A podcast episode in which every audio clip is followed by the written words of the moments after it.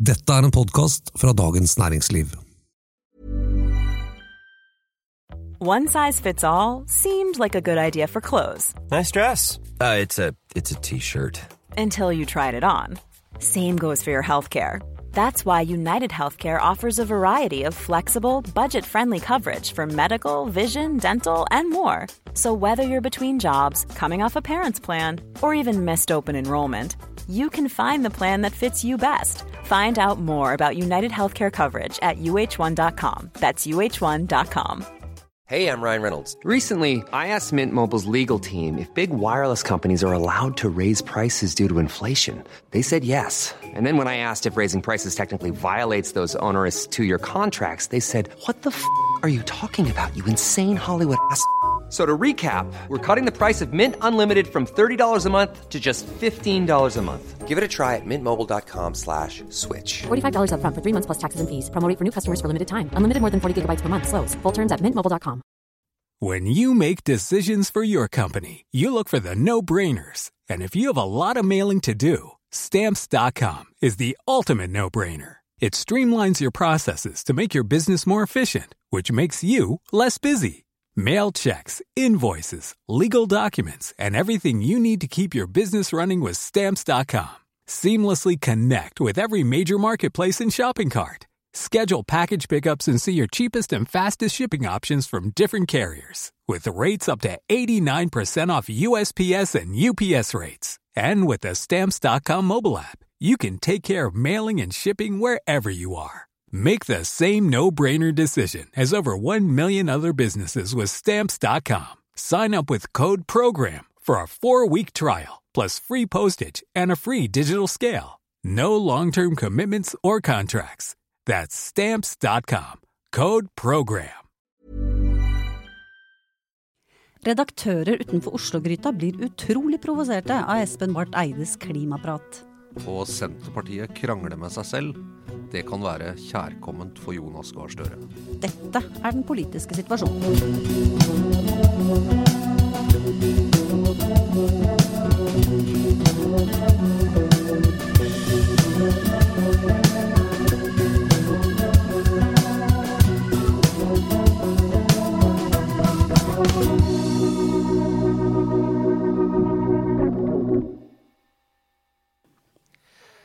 Senterpartiet spiller litt mye på en dieselpopulisme som vi ser litt retro ut om få år. Dette sa Espen Barth Eide, eh, er Arbeiderpartiets stortingsrepresentant, på Dagsrevyen forrige uke. Og så tok det fyr, Eva Grinde. Ja, det kan man si. Det var liksom som en sånn præriebrann som løp eh, nordover og vestover i, i landet.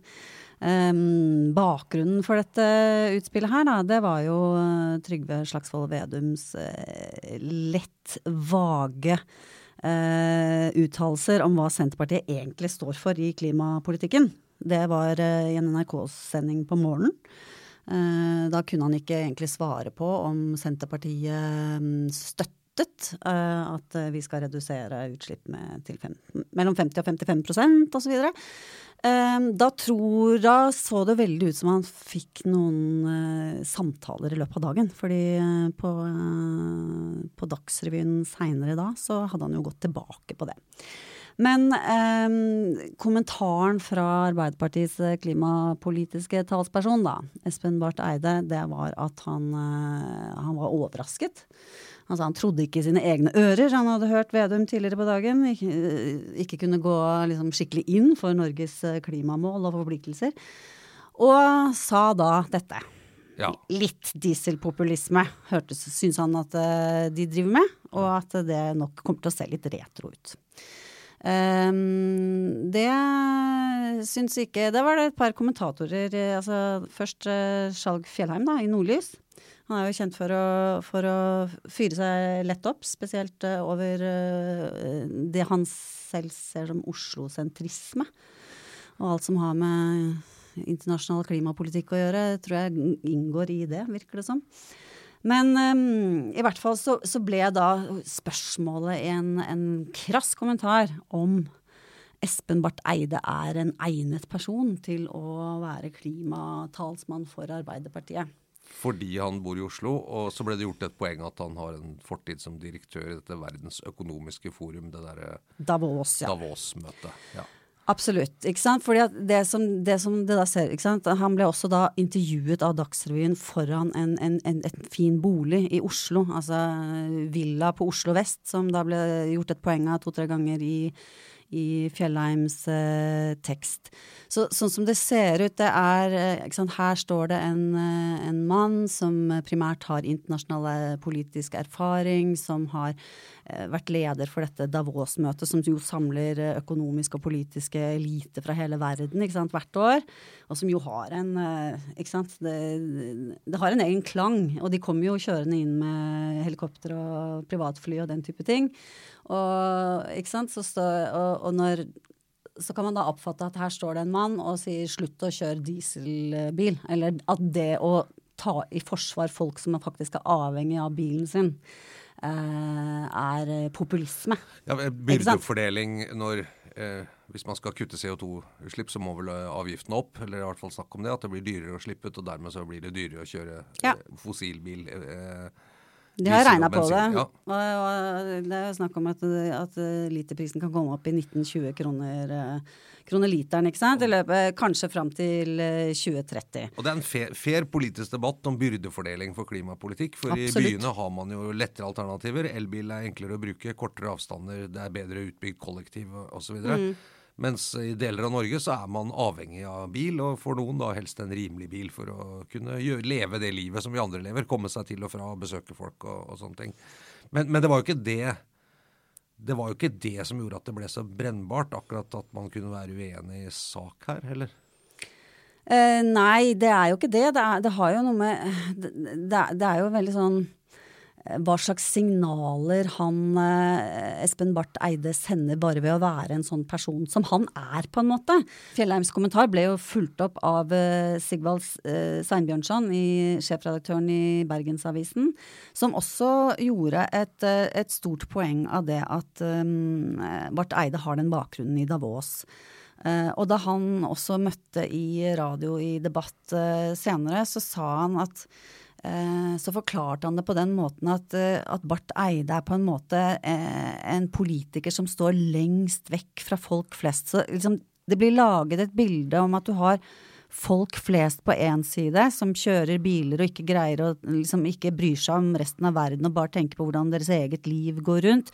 Og så har du eh, virkelighetsfjerne akademikere, internasjonalister, globalister på den andre siden. Og, og, og Barth Eide er på en måte Han hører til der, så han kan ikke Han har ikke rett på en måte til å snakke til vanlige folk. Null legitimitet, egentlig. Null legitimitet. Det som jeg tenker er at det er, det er, det er en, en fair ting å ta opp uh, hvordan folks fremtoning faktisk virker. Fordi eh, det er ikke bare symbolsk. Det kan jo fort bli Altså hvis du ikke appellerer til en velgergruppe, så kan jo det fort bli reell politikk eh, i morgen, ikke sant? Fordi, eh, fordi, at man da mister stemmer og mister makt. Eh, men, men eh, å, å påpeke det, det er jo interessant politisk analyse. Så det, det, er fair. Men det er noe med den måten begge disse to kommentatorene går ned i, i skyttergrava selv, og, og, blir aktører, og, og, og desavuerer eh, Barth Eide personlig, på en måte. Eh, at han ikke kan ta den rollen og ikke har troverdighet. De sier ikke at det eh, at det er en, en, mulig effekt.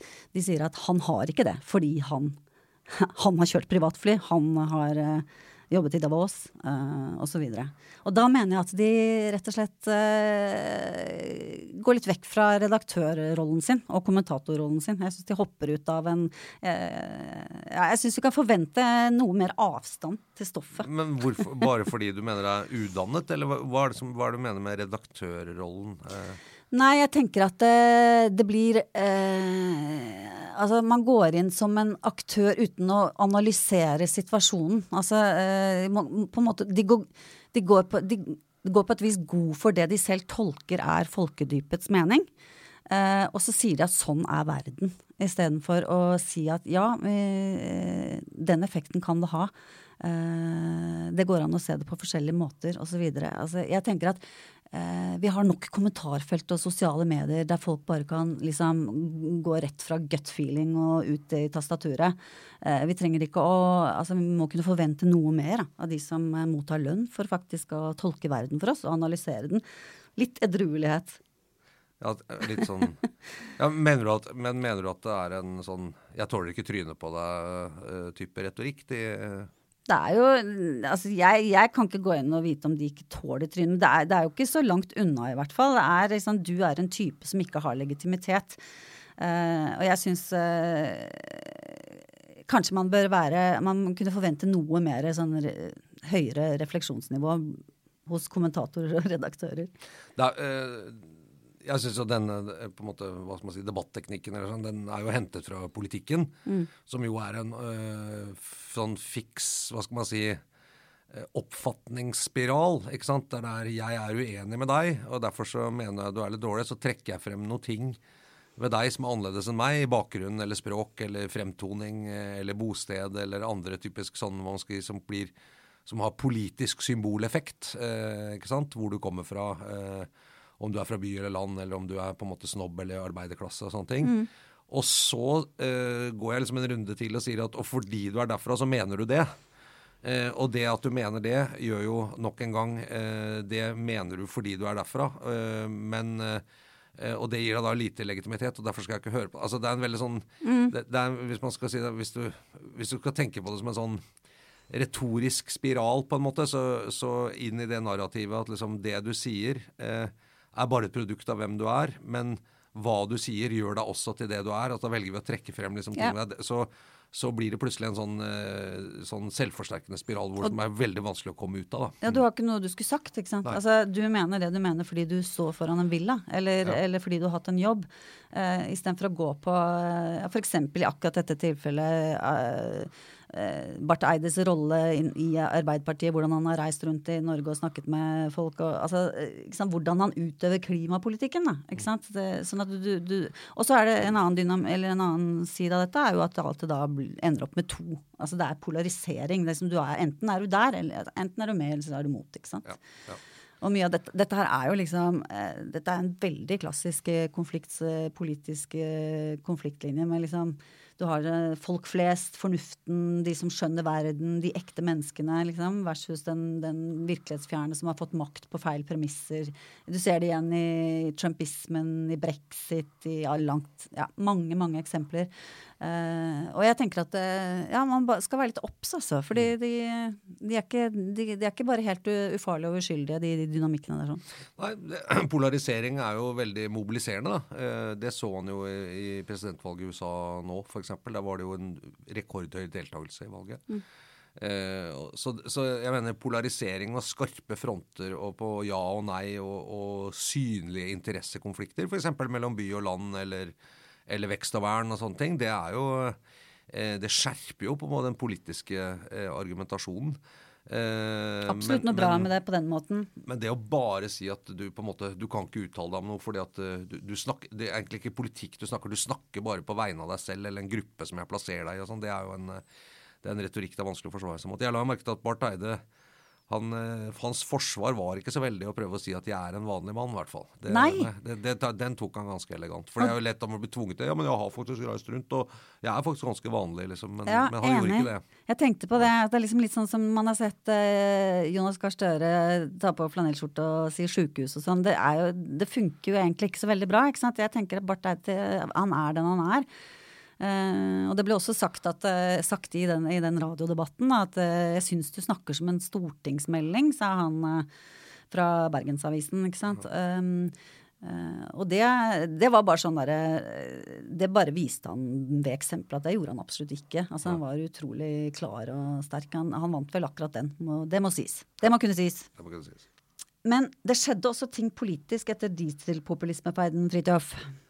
Ja, eh, for det, det, var ikke bare avis og redaktører, dette her. Det, det, interessante Man kunne jo tenkt seg at Senterpartiet ville brukt momentet som kom, eh, Barth Eides elitisme osv., til å hamre inn liksom, budskapet. Men som du eh, helt riktig sa i begynnelsen av sendingen, så måtte jo partileder Trygve Slagsvold Vedum med Senterpartiet rygge litt.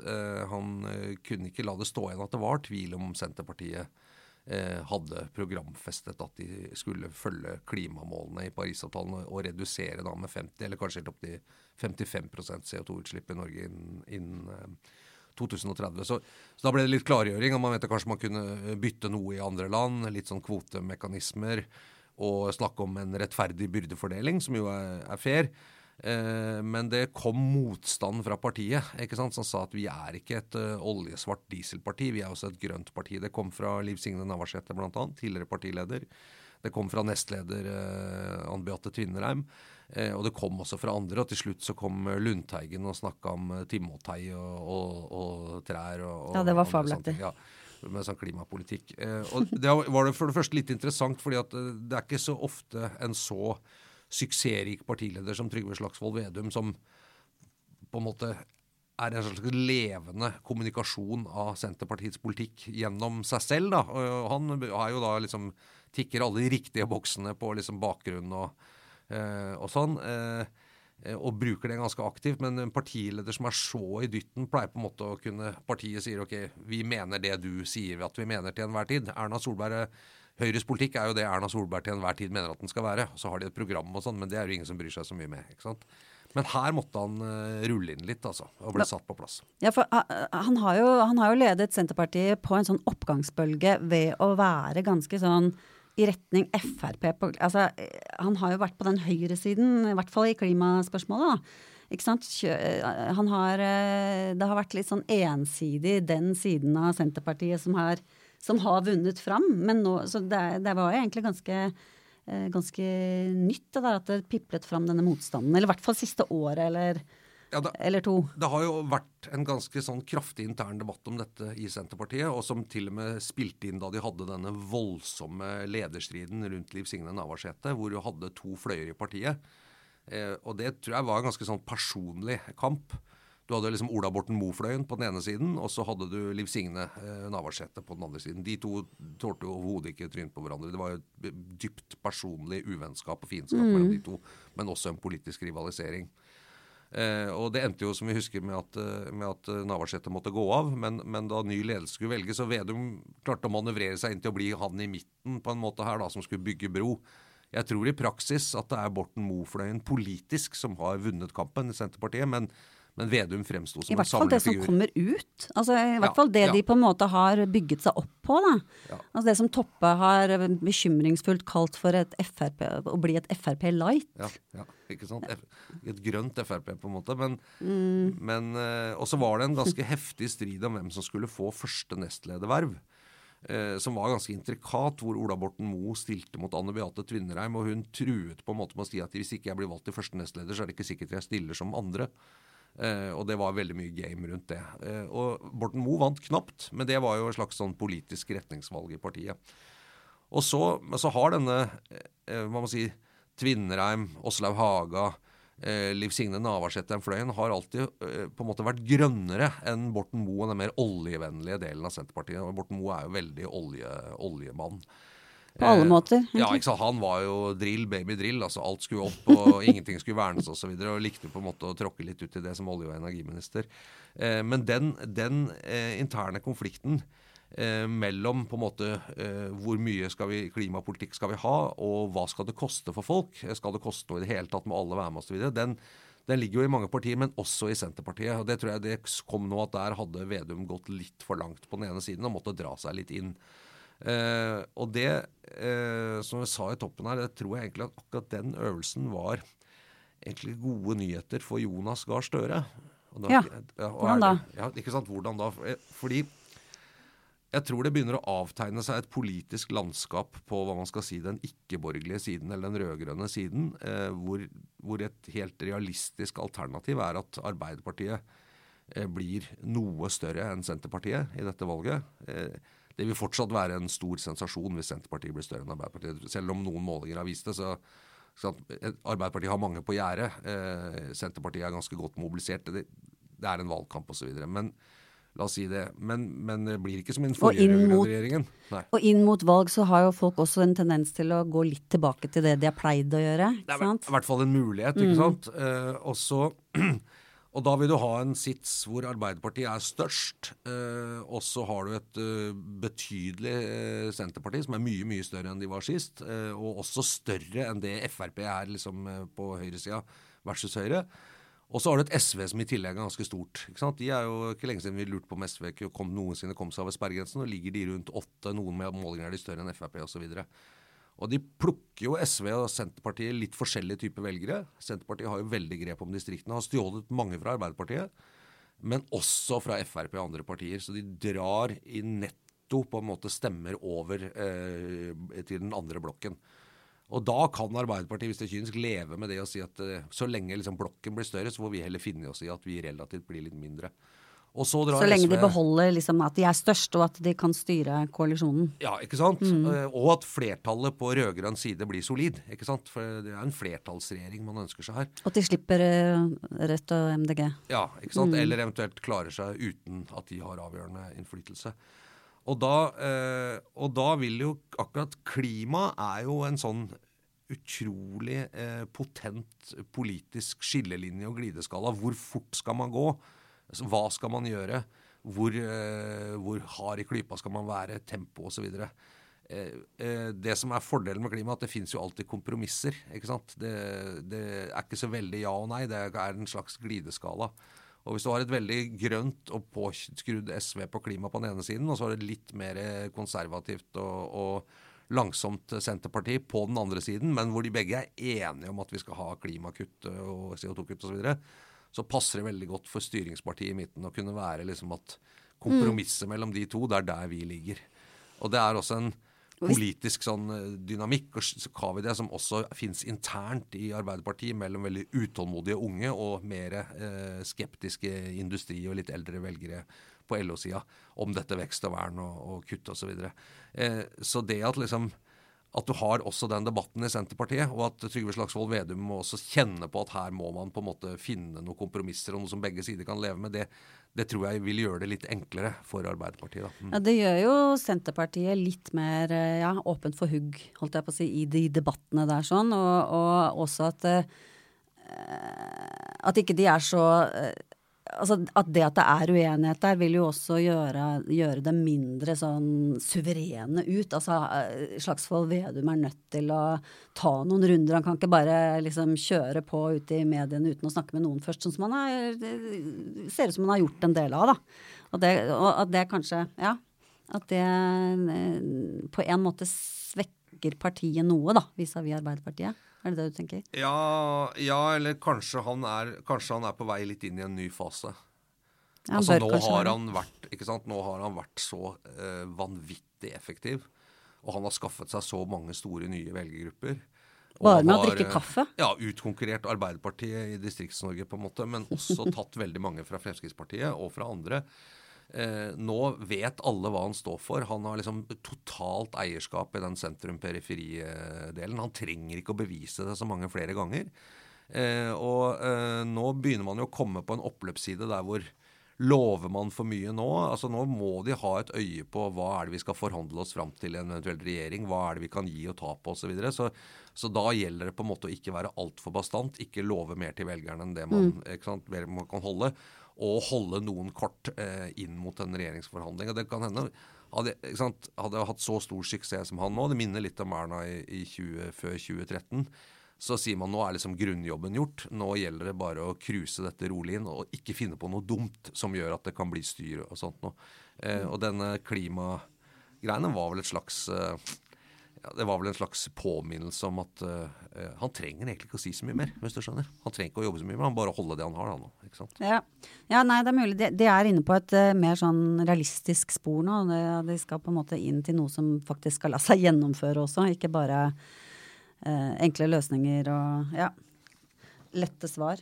Vi går mot uh, slutten, men uh, du vil runde av med et sitat. Jeg vil det. Uh, Det er et eksempel på, på tidenes politiske poesi. Det er, eh, det er så vakkert. Eh, Og det er fra den godeste Lundteigen, eh, som sier følgende Senterpartiet har hele sin basis i fotosyntesen, i de grønne næringene, i de fornybare næringene. Vi er så grønt som bjørkelauvet om våren i fjellet. Da er det ikke noe å lure på, Fridtjof. Nei, da er det ingenting å lure på. Jeg ble litt høystemt nå, kjente jeg. La det bli vår. Eh, Den politiske situasjonen er en podkast fra Dagens Næringsliv med Fridtjof Jacobsen og Eva Grinde.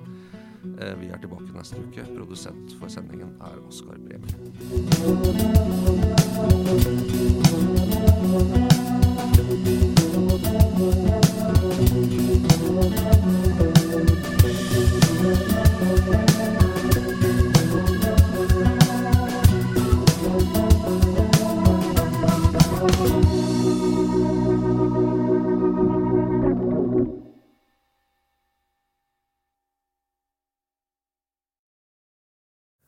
Du har nå hørt en podkast fra Dagens Næringsliv.